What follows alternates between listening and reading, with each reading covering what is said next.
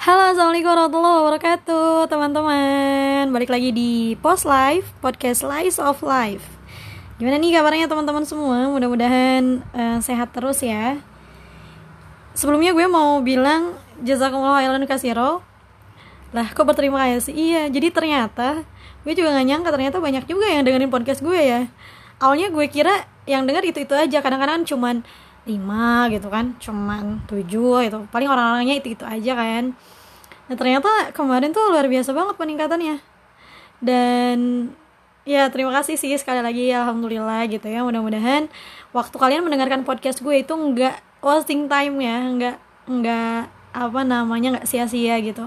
Jadi mudah-mudahan ada sebuah makna ada sebuah ibroh yang bisa kalian ambil dari podcast gue. Walaupun sebenarnya gue malu sebenarnya podcast gue tuh belum kayak yang nge-trigger gitu tapi ya masih ngalor ngidul lah ke mana gitu ya.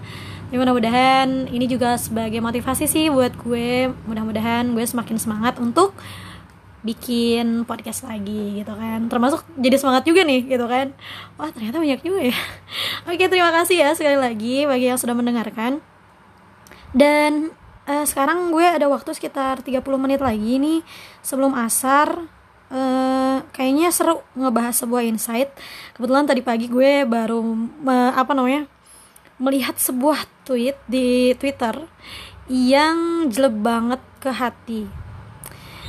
Uh, tweetnya nih sebenarnya bahasannya udah lumrah sih. Ustadz tuh banyak banget yang bahas.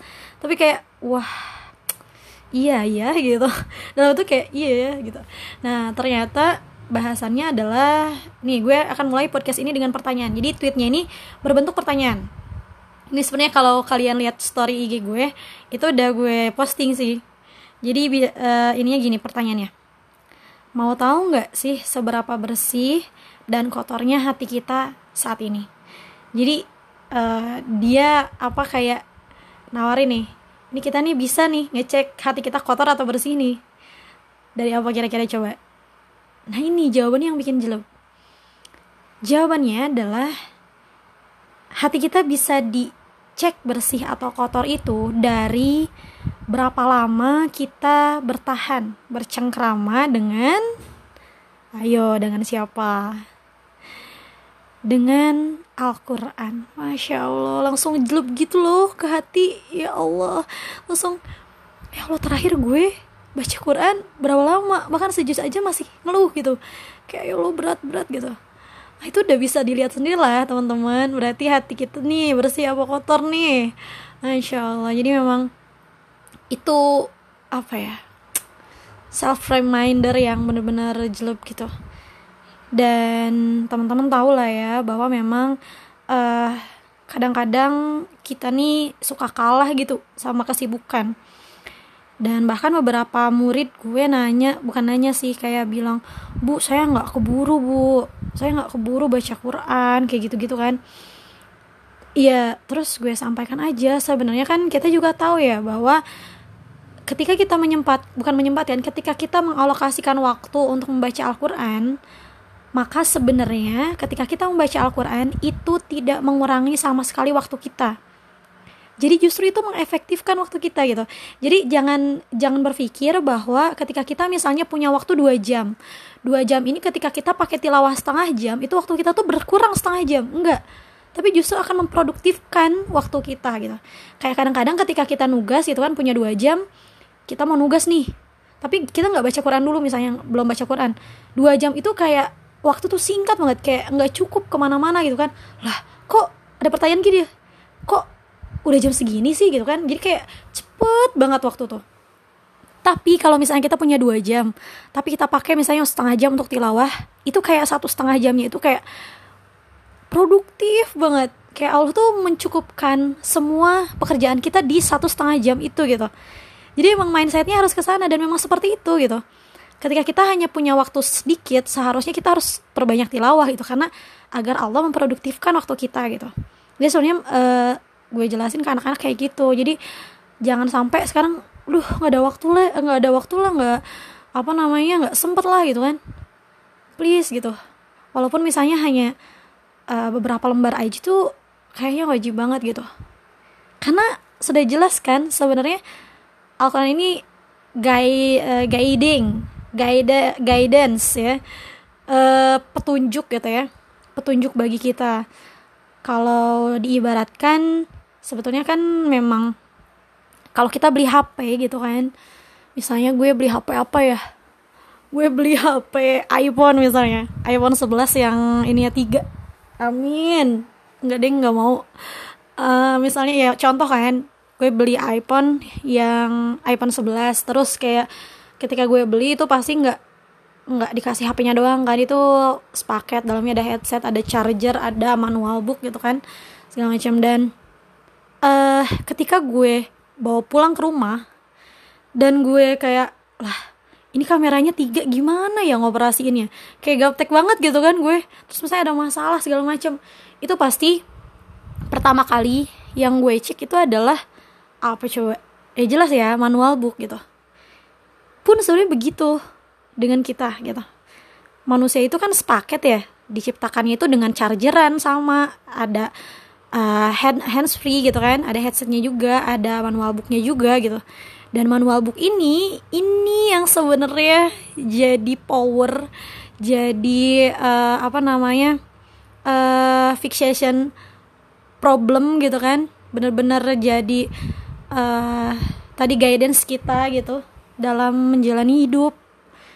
Dan kalau ada masalah sebenarnya balik lagi ke mana sih sebenarnya ya ya manual book gitu manual book dan kalau gue sih diajarin sama murabia tuh suatu waktu gue pernah curhat kan terus murabia nggak bilang apa-apa dia cuman bilang bawa Quran nggak kata gitu bawa Coba buka. Surat apa teh? Nggak apa-apa, acak aja. Lah, kok acak sih? Gue bilang gitu. Ternyata ketika gue buka, katanya baca bismillah dulu kan, buka acak. Coba baca artinya. Padahal gue ngacak loh bukanya. Tapi apa yang Allah sampaikan di dalam Al-Quran yang gue tadi apa buka secara acak itu relate banget dengan masalah yang gue ceritakan sama si teteh gitu jadi kayak Allah tuh menjawab nih gitu nih lo gitu wah gila gue sampai bilang eh tetehnya bilang tetehnya bilang kayak tuh kan apa kata Allah gitu. Tuh gue langsung nangis dong. Kayak Allah tuh bener-bener menjawab gitu. Jadi sebenarnya kalau misalnya ada masalah segala macam itu larinya nggak usah ke mana-mana. Ke Al-Quran aja. Pun begitu gue nyampein ke anak-anak akhirnya anak-anak kalau ada masalah itu cerita jangan ke siapa-siapa dulu. Cerita sama Allah. Kadang-kadang kita lupa bahwa memang ada Allah. Dan kita juga terlupa. Kadang-kadang Allah tuh menjawab bisa menjawab gitu. Dari mana itu manual book gitu kalamnya perkataannya gitu. Jadi buka saja secara acak setelah itu uh, kayak random gitu baca artinya. Dan itu biasanya sangat relate sangat relate. Dan gue nggak pernah gagal dalam uh, cara ini gitu. Setiap ada masalah gue buka setiap bingung gue buka setiap khawatir gue buka setiap bahagia gue buka.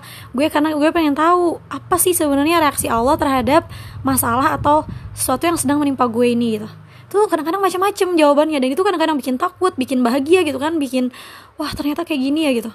Itu semua bisa didapetin loh kalau kita benar-benar interaksi sama Al-Quran. Jadi sebenarnya nggak ada alasan lagi buat kita tuh kayak mengeluh gitu kan. Kita tuh Allah tuh nggak pernah jawab doa aku gitu. Allah tuh nggak pernah gitu segala macam. Tuh nggak ada tuh kayak gitu.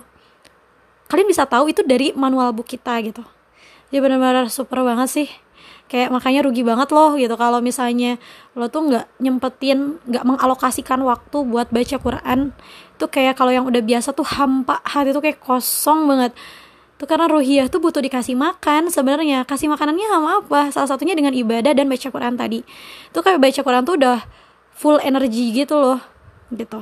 Itu menjadi apa namanya benar-benar uh, suplemen gitu kan udah benar-benar jadi kebutuhan banget gitu dan salah satunya adalah mungkin Al-Quran juga uh, menjadi shifa gitu kan menjadi penyembuh untuk hati yang sedang futur.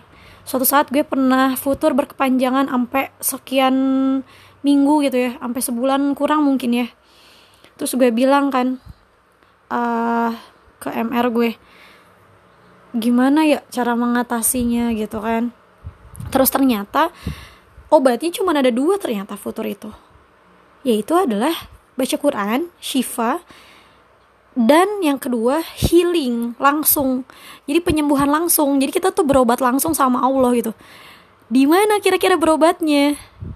Itu di waktu yang 4G waktu dan sinyal yang sangat kuat itu di mana gitu. Jelas di sepertiga malam gitu. Jadi benar-benar kalau lo tuh lagi futur itu tinggal berobat aja sebenarnya di mana? Ya di tempat sujud lo gitu. Dan di waktu sebaik-baik waktu di sepertiga malam. Karena itu tadi jaringannya 4G bener-bener lagi kenceng-kencengnya. Jadi apa yang lo sampaikan ke Allah itu akan cepat gitu. Dibandingkan walaupun sebenarnya uh, hari-hari biasa uh, jam-jam biasa juga uh, pasti nyampe gitu kan. Tapi jaringannya tidak secepat di sepertiga malam. Jadi sebenarnya healing itu di waktu sepertiga malam. Jadi kalau lo futur paksain deh. Kayaknya bangun malam terus kayak ah ya Allah curhatkan semuanya sama Allah.